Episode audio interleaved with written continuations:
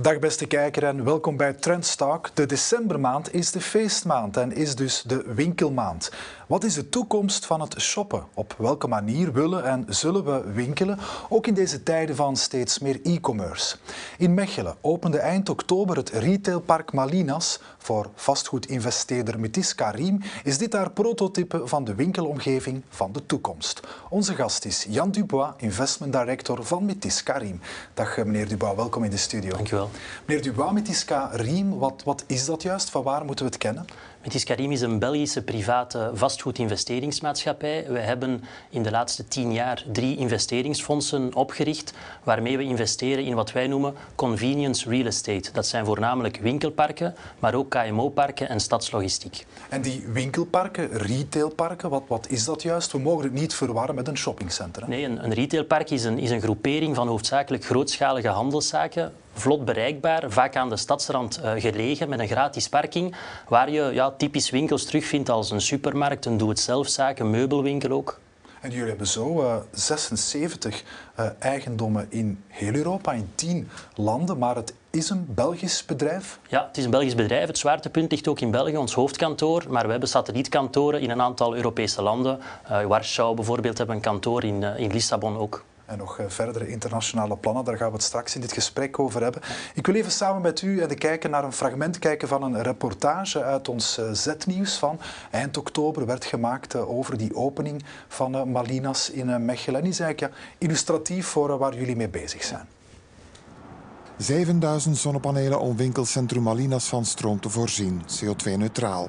Een groen dak, een groene achtergevel, een batterij om groene stroom op te slaan en nog een rietveld als natuurlijke regenbuffer. Hier is het meest duurzame winkelcentrum van België geopend, zeggen ze bij vastgoedinvesteringsmaatschappij Metis Karim, dat met alle huurders ook een zogenaamde green lease heeft afgesloten. Een groene huurovereenkomst waarin dat de huurder zich er ook toe verbindt om op het vlak van duurzaamheid een aantal zaken in acht te nemen. Kan u daar een paar voorbeelden van geven? Zij moeten bijvoorbeeld werken met ledverlichting, zij moeten daglicht voorzien in de sociale lokalen, zij moeten werken met energiezuinige kranen uh, en dergelijke meer. En als ze dat niet doen? Als Want het is een contract natuurlijk. Hè? Ja, dat wordt gecontroleerd, wij houden dat bij en als ze dat niet doen, kunnen wij hen alsnog vragen op basis van het contract om zich in regel te stellen. En anders eruit? En anders kunnen daar maatregelen getroffen worden, ja. Een van die huurders is Albert Heijn, dat zijn grootste winkel van het land heeft geopend. 3500 vierkante meter groot. Bijna 2000 meer dan de andere Albert Heijn winkels in België. Ja, 19 winkels, waaronder een uh, horecazaak. Over die duurzaamheid gaan we het straks nog uh, hebben. Maar uh, verderop in de reportage ligt u ook toe dat er afspraken werden gemaakt met de stad Mechelen. Want de bedoeling was iets dat zo'n winkelpark, zo'n retailpark, ja, geen broodroof betekent voor de bestaande middenstand. Wat is dat? Dus een covenant gesloten. Wat is dat juist? Ja, nee, inderdaad. We hebben vrij vroeg in het traject overleg gepleegd met, met alle betrokken stakeholders, waaronder de stad Mechelen. Ehm, zij hebben er op hun beurt ook de lokale middenstand bij betrokken. En we hebben dan een convenant ondertekend. Dat is een contract tussen ons en de stad Mechelen, waarin wij een aantal verbindenissen op ons nemen om te garanderen dat onze ontwikkeling complementair is met de binnenstad. Want een deel van de winkels die nu bij jullie gevestigd zijn, die komen vanuit het stadscentrum, maar daar komt een ander project, een woonproject. Ja, die komen niet vanuit het stadscentrum, die komen van op een andere locatie in de stadsrand. In Mechelen, ja. In, in Mechelen, een oude fabriekslocatie waar de stad een nieuwe woonontwikkeling wou realiseren. Dus wij hebben een oplossing geboden voor de verhuis van die handelszaken. En dan ja, hebben we nog een aantal andere handelszaken toegevoegd die geen concurrentie veroorzaken met de binnenstad. Er zijn een aantal supermarkten, maar ook meubelswinkels of, of winkels in, in de decoratiesfeer. Ja, ik zou van u uh, eens willen horen wat een goed winkelpark is. Het winkelpark van de toekomst. Op jullie website valt al op te maken dat een baseline voor jullie is dat die parken vlot bereikbaar moeten zijn, betaalbaar moeten zijn voor de huurders. Uw klanten zijn de winkels. En uh, flexibel. Uh, eerst over die uh, bereikbaarheid, en daar is Marina zo'n mooi voorbeeld van. Het moet goed ontsloten zijn natuurlijk. Dit ligt vlak bij de E19. Goed en wel, hoe kiezen jullie een locatie? Hoe weet je, daar, daar is een nood aan een winkelpark? We staan natuurlijk in permanent contact met, met alle winkelketens, nationale en internationale. Dus we weten zeer goed waar er nog een, een bijkomende vraag is, waar er een behoefte is. En daar gaan uiteraard ook wel wat, wat studies aan vooraf. Studies, marktstudies dan, eh, bijvoorbeeld in Mechelen, hoe is dat er gekomen? Merk je op een bepaald moment van, hier is een blinde vlek of een gat in de markt, zoals ze zeggen? Ja, inderdaad. Mechelen had, had, had de laatste tientallen jaren geen ontwikkelingen meer gekend buiten de stad voor grootschalige detailhandel. Dus er was een zeer grote vraag. En dat dan in combinatie met de wens van de stad voor de verhuis van, van, van retail die niet goed gepositioneerd was, maakte dat we, dat we het potentieel zagen. In Mechelen zijn 350 parkeerplaatsen binnen, 550 buiten. Zijn dit uh, ja, winkelplaatsen voor vooral een publiek dat met de auto komt? Het is een combinatie. Uiteraard is de, is de autobereikbaarheid belangrijk, maar we hebben zeker evenveel ingezet op de fietsbereikbaarheid. We hebben enorm geïnvesteerd in, in de aansluiting van het winkelpark op het bestaande fietsnetwerk met een, een fietsersbrug, een fietserstunnel. We hebben 400 overdekte fietsenstallingen, dus zeker het comfort geboden om, om mensen uit te nodigen om met de fiets te komen. Jullie zeggen dat jullie willen inspelen op uh, megatrends. Eén daarvan is dat het gros van de wereldbevolking en steeds meer uh, in verstedelijkt gebied woont. Um, deze consumenten Um, welk gemak of welke convenience, zoals u zegt, waar vragen die juist om? Goh, een, een, een, consument die altijd gemak zoekt, dat, dat bestaat natuurlijk niet. Een, een, consument, afhankelijk van zijn, van zijn noden, de tijd die hij wil spenderen, het type product dat hij zoekt, zal ofwel online gaan shoppen, zal ofwel in een winkelpark gaan, in een, in een winkelstraat of in een shoppingcenter. Het hangt er een beetje vanaf van welk type aankopen en, en welk tijdstip. Welk soort, welke vorm van shoppen is het dan bij jullie? Bij ons is het convenience shoppen, is het, is het makkelijk uh, shoppen. Het is, is vlot bereikbaar. Mensen die weinig tijd te spenderen hebben, kunnen in een winkelpark uh, vinden wat ze zoeken. Dat is makkelijk en vlot. Kan het ook fun shopping zijn of moet je daarvoor naar de uh, toeristische binnenstad? In een winkelpark is het altijd de uitdaging tussen de functionaliteit en de beleving, de architectuur. Het is ook de, de kostenbeheersing, want wij zetten ook sterk in op de betaalbaarheid. De betaalbaarheid van onze huurders door de huurprijzen laag te houden, door de lasten laag te houden, maar ook de betaalbaarheid door de consument, door een, winkelaanbod aan te bieden waar er een goede prijs-kwaliteit verhouding is. Ja, tegelijk, er is ook een uh, horecazaak waar is dat goed voor? Om even te pauzeren of dergelijke? Ja, horeca zorgt ervoor dat, dat de tijdsbesteding van, van mensen in een winkelpark langer wordt. Zorgt ook voor een extra beleving, maar kan er ook voor zorgen dat je extra bezoekers aantrekt waar ook iedereen van, uh, van kan genieten. Ah ja, mensen die zeggen ik ga, iets, uh, ik ga iets klein eten en en passant even de winkel binnen. Inderdaad, ja. Dat is twee keer, uh, twee keer gewonnen. Ja. Um, retailparken, zegt u, benadrukt u, moeten ook betaalbaar zijn, niet te duur voor, voor jullie huurders. Um, hoe doe je dat juist? Ja, dat doen we door kostenefficiënt te bouwen. Uh, de uitdaging is om, om, om iets te doen dat functioneel is, maar dat toch aantrekkelijk is, waar, waar er de nodige aandacht naar architectuur kan gaan. En ook wanneer jullie, zoals in uh, Mechelen, uh, fors inzetten op die duurzaamheid. De duurzaamheid kan ook een prijs hebben. Al die zonnepanelen, een waterbuffer, uh, noem maar op. Weegt dat door in de prijs voor, voor de huurders fors? Vroeger waren dat moeilijke gesprekken. Wij tekenen met onze huurders een zogenaamde groene huurovereenkomst, waarin dat de huurders engagementen nemen op het vlak van duurzaamheid. Zoals u daarnet zag in het filmpje. Een aantal jaren terug waren dat moeilijke gesprekken. We keken huurders naar de financiële gevolgen. Nu zijn huurders, onze winkelketens, nationale, internationale, zij staan ook onder druk om een meer duurzame bedrijfsvoering te gaan voeren. Van hun aandeelhouders, van hun banken, van hun klanten. Dus de huurders zijn, zijn wel mee. mee. in dat verhaal. Ja, ze zijn mee. Dat ja. is niet meer een verhaal van geitenwolle sokken. Dat is, uh, Absoluut. Dat is ja. echt business.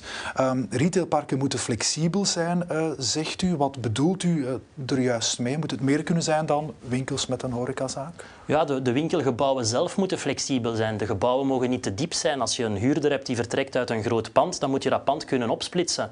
De gebouwen moeten hoog genoeg zijn, de draagkracht van de vloer moet sterk genoeg zijn om eventueel ook andere functies dan retail toe te laten. En flexibel zou kunnen betekenen, stel nu uh, in, uh, bij Marinas zit ook nu de grootste Albert Heijn van het land. Um, goed, stel dat die vertrekt, er is geen enkel scenario in die zin, maar dan heb je daar wel in, in dat project dat je daar hebt gebouwd een enorm grote ruimte. Moet je dat makkelijk en snel kunnen gaan herinrichten, refurbishen? Ja, dan moet je dat kunnen gaan, gaan, gaan herinrichten, moet je dat kunnen verdelen in eventueel kleinere units om, om, om andere gebruikers toe te staan die misschien niet dezelfde oppervlaktevraag hebben. Ja. U verwees trouwens net naar uw, jullie klanten. Hebben jullie vaste klanten? Stel je bouwt een retailpark, contacteer je die? Um, of ga je luisteren naar hun behoeften? Zijn er vaste winkels in jullie parken? Wij hebben bewust geen exclusiviteiten, want ja, je moet altijd de concurrentie kunnen laten spelen als je met een product of een, een project op de markt komt. Wat we wel trachten is een, een vertrouwensrelatie op te bouwen met die winkelketens, nationaal, internationaal. Als je op niveau van het Europese hoofdkantoor contacten hebt met een winkelketen, ja, dan helpt dat soms om nieuwe landen te betreden of in bepaalde landen uh, contractendiscussies uh, vlot te laten verlopen. Ja, trouwens, over die andere landen. U had het over de parken die jullie hier bij ons, België, bouwen, maar actief in tien landen. Is begonnen in uh, Oost-Europa, dacht ik, hè, Roemenië.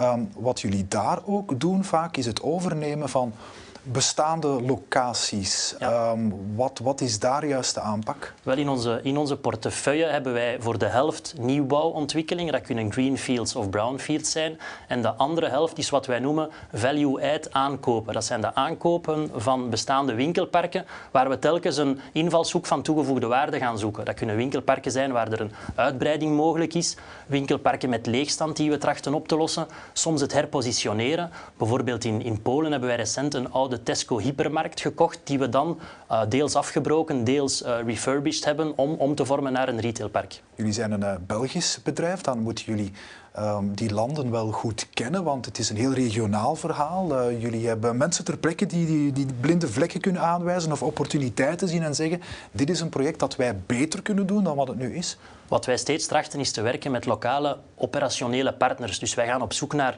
het zij lokale ontwikkelaars, lokale investeerders die met ons mee investeren, die de markt zeer goed kennen. En op die manier kunnen wij met een relatief beperkt team toch actief zijn in tien verschillende landen.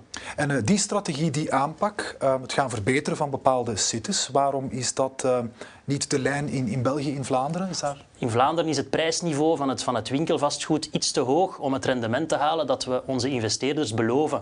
Dus gaan we op zoek naar Vlaanderen dan nieuwbouwprojecten en in sommige andere landen zijn het die aankopen van, van bestaande portefeuilles of bestaande winkelparken. Is er nog veel plek in Vlaanderen voor retailparken? We zijn een uh, zeer dens, dichtbevolkt, dichtgebouwd, bebouwd gebied. Ja, nee, de plaatsen zijn uiteraard beperkt. Het, het moet chirurgisch gebeuren en je moet meer en meer een oplossing gaan bieden voor een lokale problematiek. In Mechelen hebben wij handelszaken geherlokaliseerd van een plek waar de stad iets anders wou. Je hebt nog heel wat baanwinkels. Het zou beter zijn dat die kunnen ook geherpositioneerd worden in een modern retailpark. Maar dan is het de uitdaging van de nabestemming. Wat doe je met die locatie van waar je retail hebt verhuisd? En daar is wel een uitdaging, denk ik, op, op politiek vlak om, om daar rond na te denken. Ja, ja, ja. op politiek vlak zegt u, uh, ja, jullie moeten vaak samenwerken natuurlijk met het uh, beleid. Dat zijn impactvolle uh, projecten. Als u kijkt naar die kaart van Vlaanderen, het winkellandschap, wat zou de politiek daar kunnen betekenen? Denk voornamelijk naar die herpositionering van, het, van een bestaand oud winkelapparaat. Daar gaan werken rond die nabestemming en zorgen als je winkels verhuist dat er een gepaste nabestemming kan zijn voor die oude winkels om te vermijden dat, het, ja, dat die gebouwen opnieuw herbruikt worden. Jullie hebben ook uh, een zitten in Groot Bijgaarden, uh, Dansaarpark. Daar zie ik niet enkel winkels, maar ook uh, kantoren, KMO's. Die mix, is dat ook een stukje van de toekomst? Dat is een, een project dat we destijds ontwikkeld hebben, inderdaad met die mix van, van retail en, en KMO. Ja, Zo'n mix is interessant als het een win-win is voor de beide functies. Voor die KMO's is het, is het fijn om aanwezig te zijn op een winkelpark en niet ergens achteraan in een, in een, in een logistiek centrum. En voor de retail biedt zo'n KMO-park ja, bijkomende potentiële klanten. We zien hier voortdurend de beelden van Malinas in uh, Mechelen. Dat ziet er goed uit, netjes, modern, strak gebouw. Nu, hoe ziet een goed winkelpark eruit? Wel, een goed winkelpark moet voldoen aan een aantal criteria. Het moet makkelijk zijn, het moet betaalbaar zijn en het moet voldoen aan de behoeften van de consument, de essentiële behoeften van de consument. Makkelijk, dat wil zeggen vlot bereikbaar, gratis parkeren. Betaalbaar, ja, dat is de betaalbaarheid zowel voor onze huurders als voor de klanten van de huurders. En, en een, een, oplossing bieden voor essentiële behoeften, ja, dat zijn de winkels, de, een supermarkt, een doe-het-zelfzaak, een drogisterij. Dat zijn essentiële behoeften die voldaan worden. En het is aan de winkels dan zelf om voor een inrichting te kiezen die de hunne is, die hen eigen is. Dat ja, is... al die panden worden doorgaans casco opgeleverd en de huurder staat zelf in voor zijn inrichtingswerken. Uh, Jan de Nijs van uh, Retail Estate die zei daarover in een interview, een winkelpark of zo'n baanwinkel dan in dit geval, dat mag niet te chic zijn. Te chic zou ongeloofwaardig zijn. Ja, inderdaad. Je kan, je kan moeilijk een winkel zoals, zoals Lidl of Action in een, in een te chic pand gaan zetten. Dat is niet geloofwaardig en het zou misschien zelfs verwarrend zijn voor de consument. Dus daar moet je goed het evenwicht bewaren. Beetje het uh, Colruyt-principe, die eenvoudige inrichting, dat straalt ook af op het, op het, hele merk en dus op het vertrouwen dat de prijs ook oké zal zijn? Is ja, inderdaad. Die prijs-kwaliteitverhouding in winkelparken is zeer belangrijk. Dus het, het, het, mag mooi zijn, maar het moet functioneel blijven. En dat evenwicht dat moet je altijd zoeken.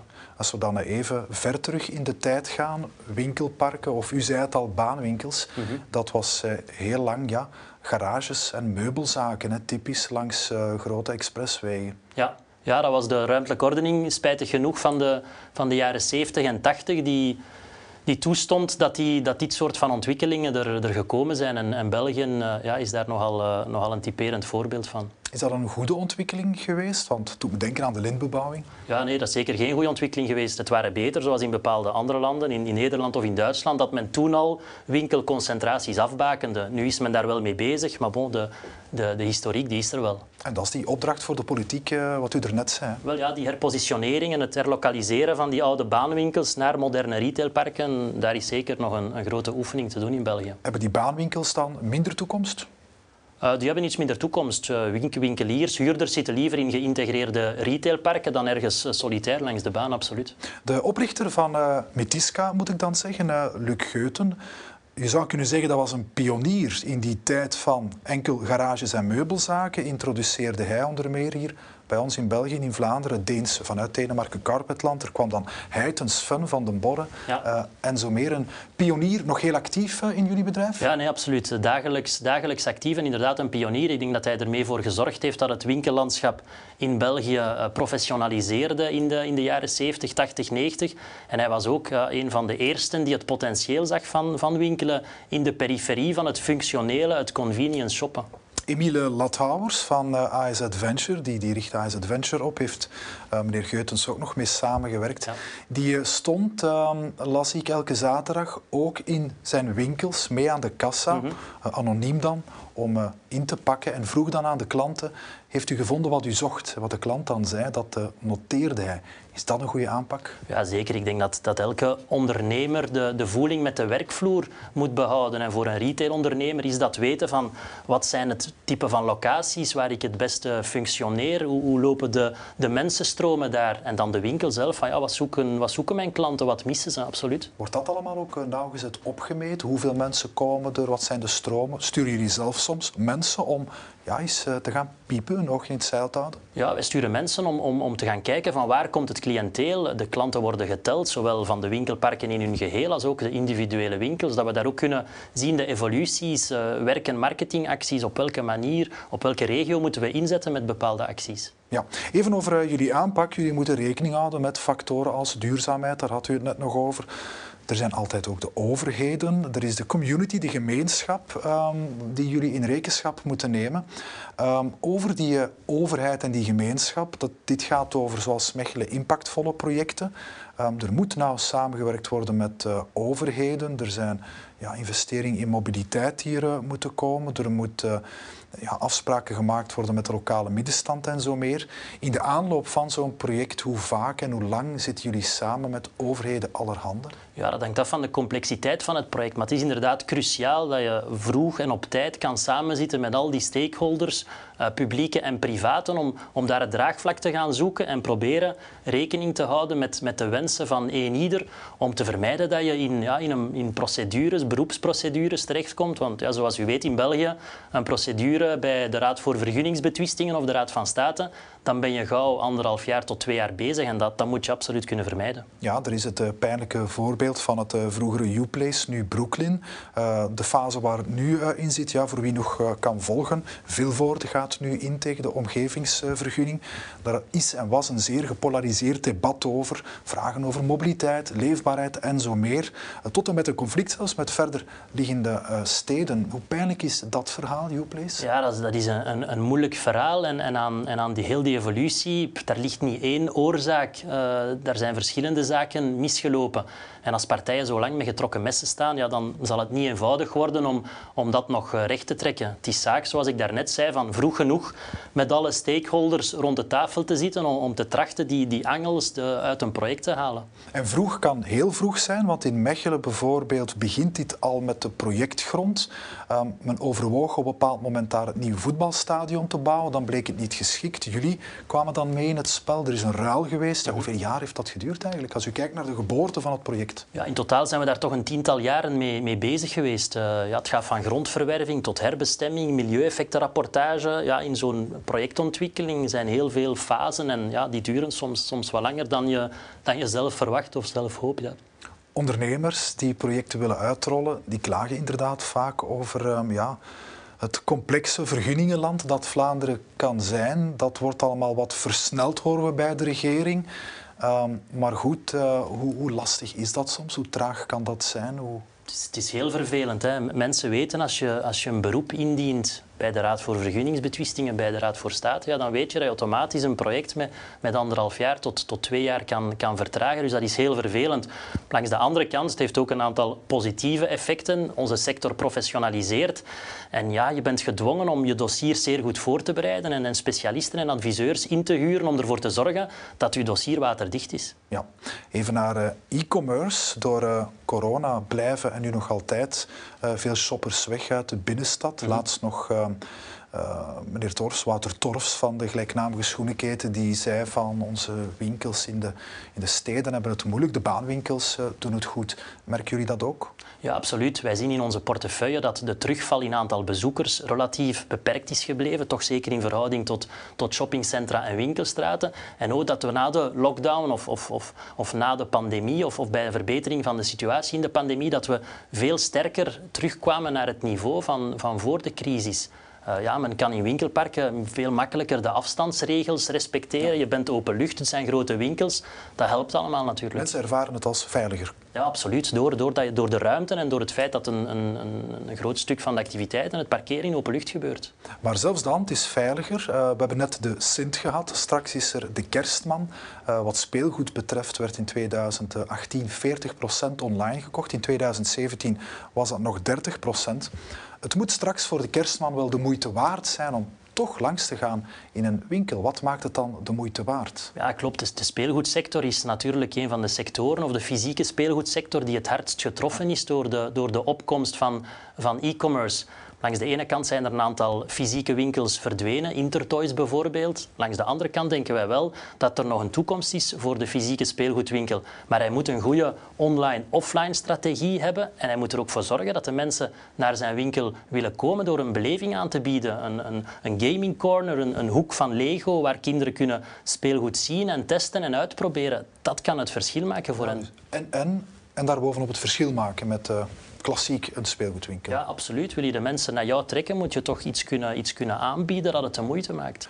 Covid heeft ook tendensen um, versneld in zaken e-commerce. En jullie hebben een uh, marktstudie gedaan recent. En daaruit blijkt dat je in het winkellandschap ja, de grote shoppingcenters hebt. En winkels, flagstores in, in, in grote stedelijke centra. Dan heb je de retailparken en dan is er de e-commerce.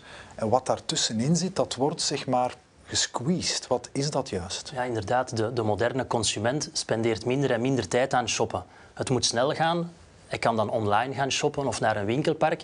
En als hij dan tijd wil spenderen, ja, dan wil hij een dagje uit, wil hij een experience, een beleving. Dat kan in een groot regionaal shoppingcenter. Dat kan ook in een binnenstad van een grotere, van een grotere regionale stad. En alles wat ertussen zit, die kleinere shoppingcentra of de, de winkelstraten in de kleinere steden, ja, die, die hebben het moeilijk en, en die gaan het waarschijnlijk ook wel moeilijk blijven hebben. Ja, dat gaat er al lang op achteruit. Kunnen die het tij nog keren, denkt u, als u ver in de toekomst kijkt? Die kunnen het tij keren, maar dan, dan is dat niet op één vlak. Dan moeten ze en zien dat ze een ruim winkelaanbod hebben. Het, het openbaar uh, terrein moet, moet verzorgd zijn. Er moet voldoende parkeren zijn. Dus ja, je moet het voor de mensen de moeite maken om, om naar jouw stad of jouw gemeente te komen. Ja, en jullie vinden overigens dat... Uh, er ook een win-win kan zijn. Net, er zit een win-win, een convergentie in e-commerce en in wat jullie uh, doen ja, in een winkel. Waren kunnen aanraken en zien blijft belangrijk. Op welke manier kunnen die beide elkaar versterken. Ja, je hebt daar een, je hebt daar een dubbele relatie. Um, enerzijds mensen die online dingen aankopen, meer en meer doen die aan click en collect. Online aankopen, afhalen in de fysieke winkel, wat op zijn beurt dan ook nog vaak aanleiding geeft tot bijkomende aankopen, zogenaamde cross-selling. Anderzijds hebben studies in de, in de UK bijvoorbeeld, waar e-commerce al wat verder staat, die hebben aangetoond dat de online aankopen van een bedrijf hoger liggen in een regio waar ze ook een fysieke winkel hebben. Dus je hebt daar dubbel versterkend effect. En die click en collect, om even terug te komen op dat eerste punt, in een winkelpark, dat is natuurlijk de, de uitgelezen plaats om dat te doen. Vlot bereikbaar, makkelijk parkeren. Click en collect werkt daar perfect. Dat is die laatste kilometer in eh, de e-commerce die de klant dan zelf doet. Eh. Eigenlijk kan je een winkel in een, in een winkelpark zien als een, als een last mile delivery punt, inderdaad. Ja. ja. En wat u daar zegt, die studie in het uh, Verenigd Koninkrijk, ehm, een mooie winkel kan dus ook goed zijn voor de e-commerce. Ja, zeker. Er, er, is nog een andere studie bijvoorbeeld die, die beweert dat 50% van de online aankopen beïnvloed worden door een fysieke winkel. Dat kan voor de aankoop zijn, showrooming, mensen die een fysieke winkel zien, die geïnspireerd geraken en die dan online een aankoop realiseren, of opnieuw het fysiek afhalen van een online bestelling. Alles loopt dan, of de helft van die aankopen zouden dan lopen via een fysieke winkel. Dus stel, een klant wil voor eh, kerstmis een scheerapparaat eh, cadeau doen aan zijn vader. Die zou kunnen redeneren, als ik het koop bij bol.com, koop ik dat anoniem. Dat komt ergens vandaan. Ik ga het kopen bij Van den Borre bijvoorbeeld, omdat ik die winkel ken en dat ik dat misschien een, een mooie, betrouwbare winkel vind. Ja, en wat veel mensen ook belangrijk vinden, is het, is het vertrouwen. Je koopt iets in een fysieke winkel en je hebt ook direct een plek om naar terug te gaan als er achteraf iets zou, zou schelen met het product. Ja. Kunnen we met u nog even naar het uh, buitenland gaan? Jullie zijn aanwezig in tien Europese landen, uh, maar het blijft een Belgisch bedrijf trouwens. Wat maakt het overigens Belgisch? Wie zijn de investeerders? Ja, onze investeerders, daar zitten internationale partijen tussen, maar dat zijn hoofdzakelijk Belgische family offices en uh, pensioenmaatschappijen en verzekeringsbedrijven. Ja, die dan uh, naar het buitenland kijken. En we hebben daar dus echt een Belgische speler mee. Uh, recent nog een nieuw project uh, voorbije weken in ehm, Roemenië. Zijn ja, kan je in eender welk land, in eender welke regio neerstrijken met het idee van een retailpark? Shopt een Roemeen anders dan een Belg of een Nederlander? Enerzijds zien we dat de winkelparken even succesvol zijn in alle andere landen. We hebben geen structurele leegstand in onze parken en we zien de waarderingen jaar na jaar stijgen. Anderzijds heb je wel wat lokale verschillen. In Roemenië hebben wij bijvoorbeeld wat meer discount fashion in onze winkelparken. In Zuid-Europa, Spanje en Portugal is horeca wat belangrijker. Dus je ziet daar wel wat regionale verschillen. En jullie uh, plannen ook uit te breiden? Uh, of dat is althans de ambitie overzees richting het noorden? Ja, we, we, hebben een aantal landen die op onze watchlist staan. Dat is Italië, dat is Scandinavië, dat is de UK. We screenen daar de markt, eh, we doen marktkennis op om, om snel te kunnen reageren als er zich een opportuniteit zou voordoen. Goed, dat zijn verdere Europese dromen. We hadden het hier vandaag vooral enkel eigenlijk over retailparken, maar uh, jullie plannen nog uh, veel meer, hè? Ja, begin volgend jaar gaan wij een nieuw fonds lanceren met onze uitgebreide strategie van convenience real estate, winkelparken, KMO-parken, stadslogistiek. Uh, allen vastgoedsegmenten die meesurfen op, op de golf van een aantal trends in de maatschappij, een groeiende verstedelijking, wijzigende consumentenpatronen, uitdagingen op het vlak van mobiliteit. Dus uh, ja, veelbelovend. Ja, dat is iets om uh, naar uit te kijken. onze tijd zit er helaas op, meneer Dubois, maar voor dit gesprek over ja, winkelen, het winkelen van de toekomst en de rol die jullie daarin kunnen spelen met, met Iskarim, zeer bedankt. U bedankt.